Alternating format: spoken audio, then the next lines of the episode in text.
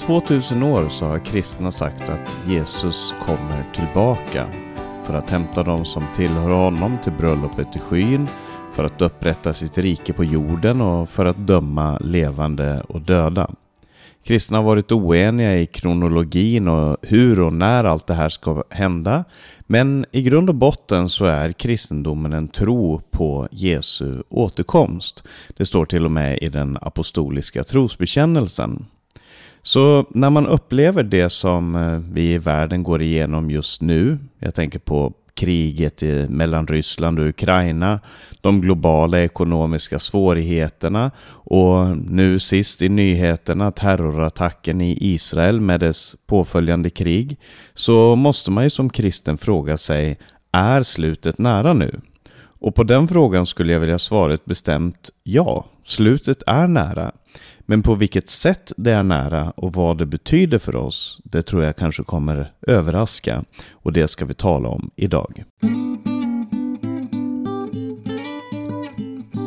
I första Petrus brevs fjärde kapitel så står det här påståendet Slutet på allting är nära. I ett brev där Petrus talar mycket om förhållandet mellan den kristne och den här världen, lidanden och förföljelser och, och hån och spott som man får uppleva i den här världen, kontra det hoppet som vi har eh, till Jesus. Eh, I det här brevet så säger han då i slutet av, mot slutet av brevet så säger han slutet på allting är nära. Och det kan man ju fråga sig, vad betyder det och hur, hur kan det vara sant eh, när, när det har gått 2000 år utan att slutet har kommit? Menar han ett annat slut? Menar han att det tog slut på hans tid? Eller, eller är det någonting annat han menar? Jag tror att när Petrus och de andra apostlarna talade om att slutet är nära eh, så betydde det för dem att det fanns inget hinder. Det var ingenting som var tvunget att ske innan Jesus skulle komma tillbaka. De levde i den sista tiden och det gör vi fortfarande. Det finns ingenting som hindrar Jesus från att komma tillbaka nu eh, om det är i Guds plan. En del kristna talar om att nej men först så måste templet i Jerusalem byggas upp eller först så måste det här vara på plats, först så måste antikrist uppstå, först så ska det vara så och så många år av vedermöda eller någonting annat. Men jag tror att när man läser Bibeln så som den står så verkar det som att de apostoliska förkunnarna de hade alltid den här förväntan Jesus kan komma när som helst. Eh, jag har tänkt på det här när de talar om slutet som är nära. Eh, så har jag tänkt på bilden av en brandman. Vi vet att brandmän de måste vara förberedda på det allra mesta. Eh, samtidigt som de inte kan säga med säkerhet om det kommer vara en eld idag eller imorgon. De måste förbereda sig, de måste ha sina bilar i ordning, de måste ha sin utrustning, de måste se till att tankarna är påfyllda, de måste se till att allting är förberett när alarmet går. Eh, det betyder inte att de vet när alarmet ska gå, men det betyder heller inte att de kan stänga stationen och säga att Nej, men idag är det faktiskt ingen risk, idag är det ingen fara. Eh, det måste vara så här och så här för att det ska kunna brinna. Nej, brand kan uppstå när som helst och de måste alltid vara beredda på att branden kan uppstå. Och på samma sätt så, så är det med Jesu återkomst att vi kan säga hans återkomst är nära just därför att det finns ingenting som hindrar det från att kunna ske och därför så behöver församlingen vara i ett vakande tillstånd. Eh, för att vara beredd när Jesus kommer tillbaka. Och vi ska komma in på vad det betyder, men Jesus själv han jämför sin eh, återkomst med återkomsten av, eh, eh, han jämför det med en tjuv som kommer om natten. Det är en annan bild där, för att den som sover när tjuven kommer, den personen blir rånad. Medan den som är vaken kommer klara sig och han använder det här som en bild för att mana till vakenhet. Så man måste ju fråga sig, vad är det som gör en människa beredd på Jesu tillkommelse? Vad är det som gör en människa beredd? Om nu slutet är nära, som apostlarna påstod och som jag menar att man fortfarande kan påstå, utan att vi för den saks skull vet om det som sker i Israel, eller Ukraina, Amerika, Kina, eh, Ryssland, vad det än är, utan att vi kan säga med säkerhet att ja, det här är tydliga tecken på att Jesus kommer tillbaka nu. Det här är det som Bibeln talar om på det här stället, eller det här är det som uppenbaras i skriften. Jag tror att det finns tidstecken, men jag tror framför allt att vi som kristna är kallade att leva i ett väntande och vakande tillstånd, oavsett om Jesus skulle komma nu eller om tusen år. Ehm, men så vad gör man då? Vad säger Bibeln att man ska göra om man tror att slutet på allting är nära? Alltså vi har ju i historien så har vi människor som har klätt sig i vitt och gått upp på Oljeberget och Jerusalemfararna och vi har människor som har begått kollektiva självmord för att de tror att slutet är nära. Vi har många människor som har vittnat om att de har fått panik eller blivit rädda. Men en brandman kan inte få panik eller bli rädd när han, eh, när han är förberedd. Det är inte på det sättet man förbereder sig för en brand, utan man förbereder sig genom att se till att allting som ska till är på plats. Och då måste man fråga sig, jag säger det igen, vad är det som ska vara på plats för att en människa ska vara redo eh, för slutet? Och det säger Petrus om vi fortsätter att läsa den här versen. Första Petrus kapitel 4 och vers 7 står det Slutet på allting är nära. Var därför kloka och nyktra så att ni kan be.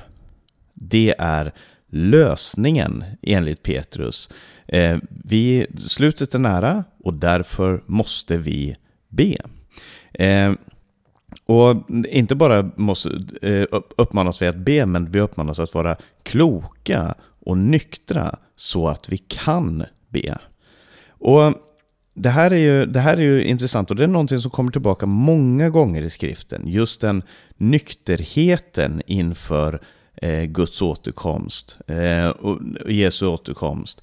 Det, tidigare i det här kapitlet så står det Länge nog har ni levt som hedningarna vill, i orger, begär, fylleri, supkalas, vilda fester och förbjudna avgudakulter det, det är en livsstil som, som eh, även om vi tycker att nej, men det här är väl inte saker och ting som vi känner igen oss i, så tror jag att vi kan dra ganska bra paralleller till vår egen tid, till vår tids livsstil och till vår tids sätt att distrahera sig ifrån det faktum att slutet på alla ting är nära. Att det inte finns någonting som hindrar slutet från att komma. Att vi lever i den sista epoken. Eh, och därför så uppmanar Bibeln oss, var kloka och nyktra. Alltså det handlar om, om ett sinnestillstånd som behövs för att man ska kunna söka Gud i bön ha gemenskap med Gud, kunna förändra saker och ting genom att söka Gud i bön. För när slutet är nära, då behövs nykterhet och bön. Och sen i den åttonde versen så fortsätter han och tanken är fortfarande den här. Slutet på allting är nära, därför. Vad, vad, vad ska vi göra därför? Framför allt, alltså viktigast av allt sen, ska ni visa uthållig kärlek till varandra. För kärleken överskyler många synder. När slutet är nära, då är det mycket av det som vi annars tycker är viktigt som visar sig vara oviktigt. Och det är kärleken som blir bestående, som, blir, eh, som är det som, som vi förstår är det viktigaste i den epoken. Eh, jag tänker på till exempel det som skedde på Utöja för eh, år 2011 22 juli-attacken då en terrorist först eh, gick in i regeringsområdet i Oslo satte ifrån sig en bil full av en, med en bomb i. Han sprängde och flera hus förstördes. Fortfarande så pågår det byggarbeten på, på de områdena i Oslo där den här terroristen sprängde. Sen så drog han ut till en ö eh, som kallas för Utöja där eh, de eh, norska socialdemokraterna, de som kallas för Arbeiderpartiet, hade eh, varje år har en träff för ungdomar. Och eh, han reste ut dit och började skjuta barn, ungdomar, vuxna urskillningslöst och med fruktansvärd, fruktansvärd inställning. Men utan att jag ska tala mer om, om eh, den här terroristen så vill jag i alla fall säga att eh, det var intressant att se efteråt när människor talade om vad de gjorde på den här ön eh, medan de gömde sig. De visste, nu är slutet nära. De hade sett sina vänner dö, de hade sett den här terroristen gå runt och skjuta människor, döda människor. Och det de valde att göra var att ringa och skicka meddelanden till, naturligtvis till polisen och, och säga till, vi är här, vi, det är en galning här, kom och rädda oss. Men också när de såg slutet är nära, då började de ringa till sina familjer, skicka meddelanden till föräldrar, till makar och mak make och maka, till, till sina barn, vem det än skulle vara, och gav dem beskedet Jag älskar dig. Jag älskar dig. Det, kärleken var det som eh, var det viktigaste i den situationen när de visste eller tänkte sig nu är slutet nära, nu är faran så stor, det sist, vad är det jag vill ska bli bestående ifrån mitt liv? Vad är det jag vill att de som är närmast mig ska veta för någonting? Jo, jag vill att de ska veta att jag älskar dem. Och så är det. Alltså de började inte skicka och säga att kom ihåg att ta in, eh, ta in hunden ifrån utegården eller kom ihåg att köpa med bröd hem eller någonting annat. Det som var viktigt för en liten stund sedan, det var inte så viktigt längre. Och för de som lever med tidens ände in på sig, och jag säger igen, det är helt irrelevant i det här sammanhanget om slutet skulle i, i kronologisk ordning vara imorgon eller om tusen år är helt oviktigt därför att vi lever med den här inställningen. Jesus kommer tillbaka. Och därför ska vi, som det står här, visa uthållig kärlek till varandra. För kärleken överskyler många synder. En uthållande kärlek. Därför att när slutet är nära så har vi bara tid till att älska och att förlåta. För det är det han menar med det här. Kärleken överskyler många synder. Att ha brustna relationer när slutet är nära, det är inte aktuellt. Att ha förstörda liv när slutet är nära, nej. Jesus kommer, livet är kort, eh, slutet är nära, Gud har gett sina löften. Låt oss därför älska uthålligt, älska varandra uthålligt. Och på samma tema fortsätter han i den nionde versen där han säger framför allt, eh, förlåt mig, var gästfria mot varandra utan att klaga. Och det här var gästfria, det är någonting som kommer tillbaka flera gånger i Bibeln. I Hebreerbrevet så talas det om gästfrihet, på andra ställen i Bibeln så talas det om den här gästfriheten. Och man kan tycka, vad, vad är det för någonting? Menar, är Bibeln så är det så viktigt för de bibliska författarna, eh, för apostlarna, för Jesus att, att vi ska vara människor som inbjuder andra hem till oss? För det är det gästfrihet betyder, att inbjuda någon i sitt hem. Och jag tror att det är precis det. Men jag tror att det ligger väldigt mycket i just det här med gästfrihet. Därför att att öppna sitt hem är att öppna en del av vad man själv är och framförallt också vad man själv har. Därför att när du bjuder in någon i ett hem, hemmet är platsen där du har dina saker. Och när du bjuder in någon där så bjuder du in någon att komma nära. Alltså en person som du hatar eller avskyr vill du antagligen inte ha i ditt hem. Inte bara, för att, eh, inte bara för att du är rädd för vad den personen skulle kunna tänkas sig göra, utan för att det är personligt. Det är nära vem du är som person. Du har satt din prägel på ditt hem på ett eller annat sätt.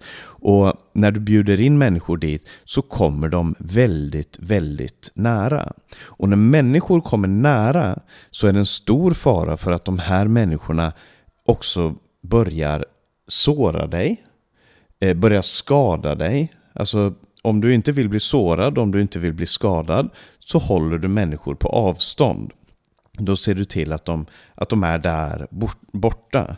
Men när du bjuder in dem, när du är gästfri. Och det här ordet gästfri på grekiska eh, så, så betyder det eh, alltså eh, etymologiskt, etymologin som det ordet kommer ifrån är, eh, är älska främlingen. Philo xenos. Philo betyder att älska. Xenos betyder en främling. Så, så gästfriheten, det handlar inte bara om dina vänner, om de som är närmast, om de som är eh, dig allra kärast. Ja, men jag kan vara gästfri mot min familj, jag kan vara gästfri mot min granne, jag kan vara gästfri mot folk jag tycker om.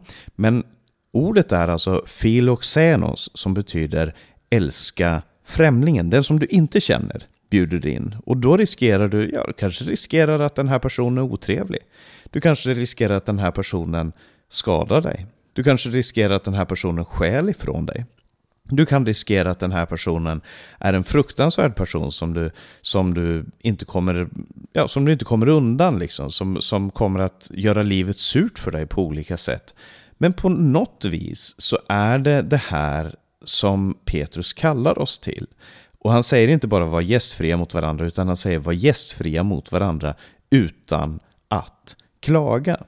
Därför att det finns någonting i det här gemenskapen mellan människor. Att ett, en, en öppen dörr och ett öppet hjärta som Gud verkligen eh, önskar att vi som människor ska få uppleva. Som Gud önskar att vi ska få gå in i och, och verkligen se storheten i att få, eh, för, för, att det är bara när man bjuder in människor i sitt innersta rum som de människorna verkligen kan se det vittnesbördet som vi bär på. Och vi ska se att allt det här som vi har talat om hittills, det är att be, det är att älska och att vara gästfria, också det som ska komma här, det har ett mål. Eh, och, och det är det målet som gör att vi är redo när slutet kommer. Men vi ska komma tillbaka till det. Eh, men så här är det, när slutet är nära, då har vi inte tid att stänga och låsa våra dörrar och vi har heller inte tid att klaga. Så kommer den eh, tionde versen. Där säger Petrus så här, tjäna varandra. Fortfarande, hur ska vi vara redo när slutet är nära? Jo, då säger han, tjäna varandra, var och en med den nådegåva han har fått, som goda förvaltare av Guds mångfaldiga nåd. Här är poängen att vi har fått nåd. Vi har fått uppleva nåd ifrån Jesus Kristus. Vi har fått uppleva hans frälsning, hans befrielse. Eh, vi har fått uppleva att komma nära Jesus. Han har bjudit in oss. Han är gästfri. Han har bjudit in en syndare som dig och mig att komma nära honom. Och det han eh, och det han ger till oss, det är nåd. Det är en mångfaldig nåd. Det är inte en nåd som ser ut bara på ett sätt, utan det är en nåd som tar sig uttryck på många, många olika sätt. Och så säger han, den här nåden som vi har fått, den är inte bara för att vi ska njuta av den, för att vi ska eh, tycka om vad Gud har gjort och för att vi ska gotta oss i den och för att den ska vara eh, nyttig för oss. Utan han säger, tjäna varandra var och en med den nådegåva han har fått som goda förvaltare av Guds mångfaldiga nåd. Var och en har fått någonting att förvalta. Vi som har kommit till tro, vi har fått gåvor att förvalta. Det handlar om vår tid, det handlar om vår kraft, det handlar om budskapet som vi har tagit emot, det handlar om eh, olika nådegåvor som anden har gett oss. Alla de här sakerna är givna, inte för att vi ska eh, gotta oss i dem som sagt, utan för att vi ska tjäna med dem. Och han ger som ett exempel, om någon talar så ska han tala i enlighet med Guds ord. Och det är väldigt lätt för oss att tala eh, om andra ting. Att tala om allting som, som vi tycker är viktigt. Men han säger att den som talar ska se till att det han talar är i enlighet med Guds ord. Alltså i enlighet med den gåva som Gud har givit oss i sitt ord.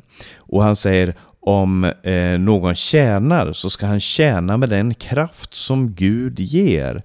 Och poängen i det här, poängen i bönen, i den uthålliga kärleken, i gästfriheten och i tjänsten som vi gör för varandra. För att när slutet är nära och i ändens tid så är, tjänar vi med de gåvor som vi har fått. Och poängen är, som han säger i slutet här, om någon tjänar ska han tjäna med den kraft som Gud ger, så att, det här är målet, så att Gud i allt, i bönen, i den uthålliga kärleken, i gästfriheten, i tjänsten, så att Gud i allt blir ärad genom Jesus Kristus.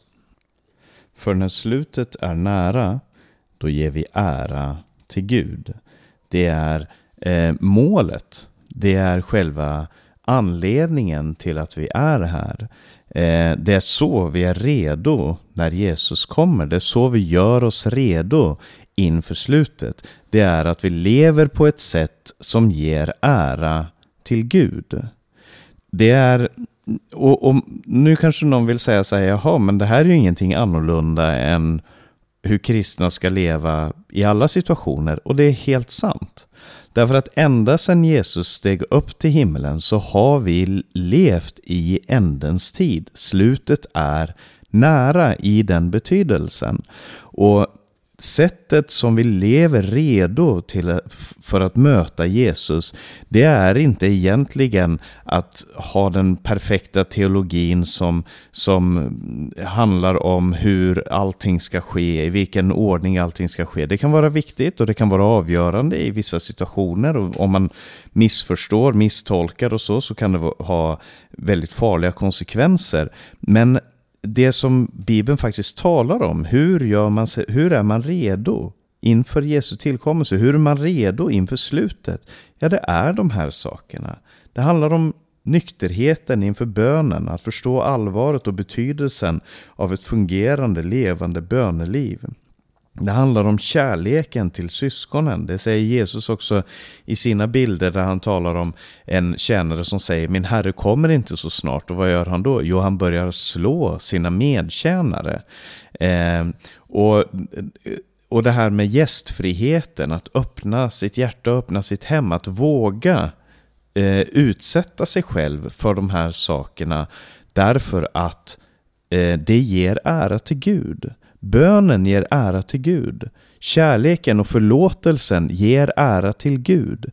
Eh, gästfriheten ger ära till Gud när man säger jag kan älska dig eh, därför att jag är älskad av Gud. Jag kan, jag kan våga att älska dig. Jag kan, jag kan eh, ösa ut ur den kärlekens källa som, kärlekens källa som jag själv har fått uppleva därför att Gud har gett något till mig.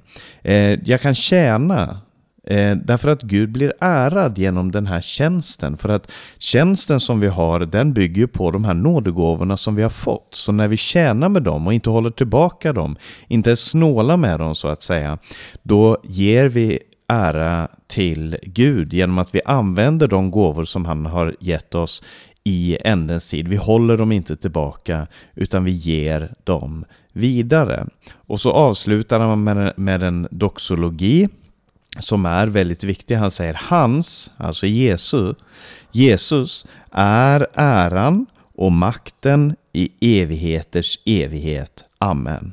Och de här uttrycken, de här, det som kallas för doxologier, alltså han, den e-, enda gode guden, honom var ära, det formuleras på lite olika sätt på olika ställen i Bibeln, men här i eh, första Petrus brev så riktas den här doxologin till Jesus, Jesus Kristus, hans är äran och makten i evigheters evighet. Hans är äran, det betyder att det är han som ska få äran för alla ting. Det, vår, vårt liv handlar om att ge honom ära och att glädja oss i den ära som vi kan bringa till honom. Hans är äran och hans är makten. När slutet kommer så betyder inte det slutet i betydelsen allting tar slut och ingenting mer ska ske. Utan slutet betyder att det är slut på den här ordningen som vi lever under nu. Där där Jesu makt är begränsad till hans församling, men hans suveränitet ska slå, ska slå ut i full blomst när han kommer tillbaka. För slutet på allting är egentligen början på allting. Så hans är äran och hans är makten i evigheters evighet, i alla tidsåldrar och ända in i evigheten. Det är evangelium, det är det stora. Och jag ska bara ta med de två, eh, två versar till här som säger Mina älskade, var inte förvånade över den eld som ni måste gå igenom för att prövas, som om det var något oväntat som hände er. Nej, gläd er, ju mer ni delar Kristi lidanden, då ska ni också få jubla och vara glada när han uppenbarar sig i sin härlighet. Så även lidandena som, som eh, man kan få genomgå här i världen blir till jubel och glädje och ära för Gud för att vi delar Kristi lidanden. Prövelsens eld som, som vi går igenom den tjänar också Gud till ära. Så frågan är slutet nära? Bibeln säger ja, slutet på alla ting är nära. Vad betyder det? Och det är det som är så överraskande för att Bibeln säger om slutet är nära så ska ni be så ska ni älska, så ska ni förlåta, så ska ni vara gästfria och så ska ni tjäna. Och om du läser andra bibelställen så ska du se som talar om det här, till exempel i andra Petrusbrev så sägs det liknande, så kommer det här tillbaka gång på gång. Be, älska, tjäna, var gästfria. Det är budskapet i ändens tid. Maranata.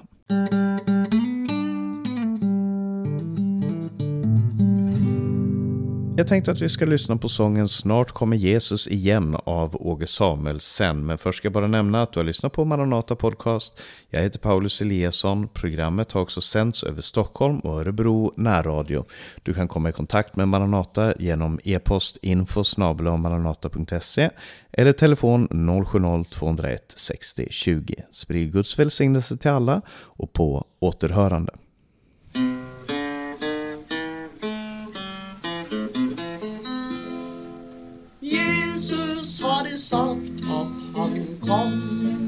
Snart Kom nu på skyen igen.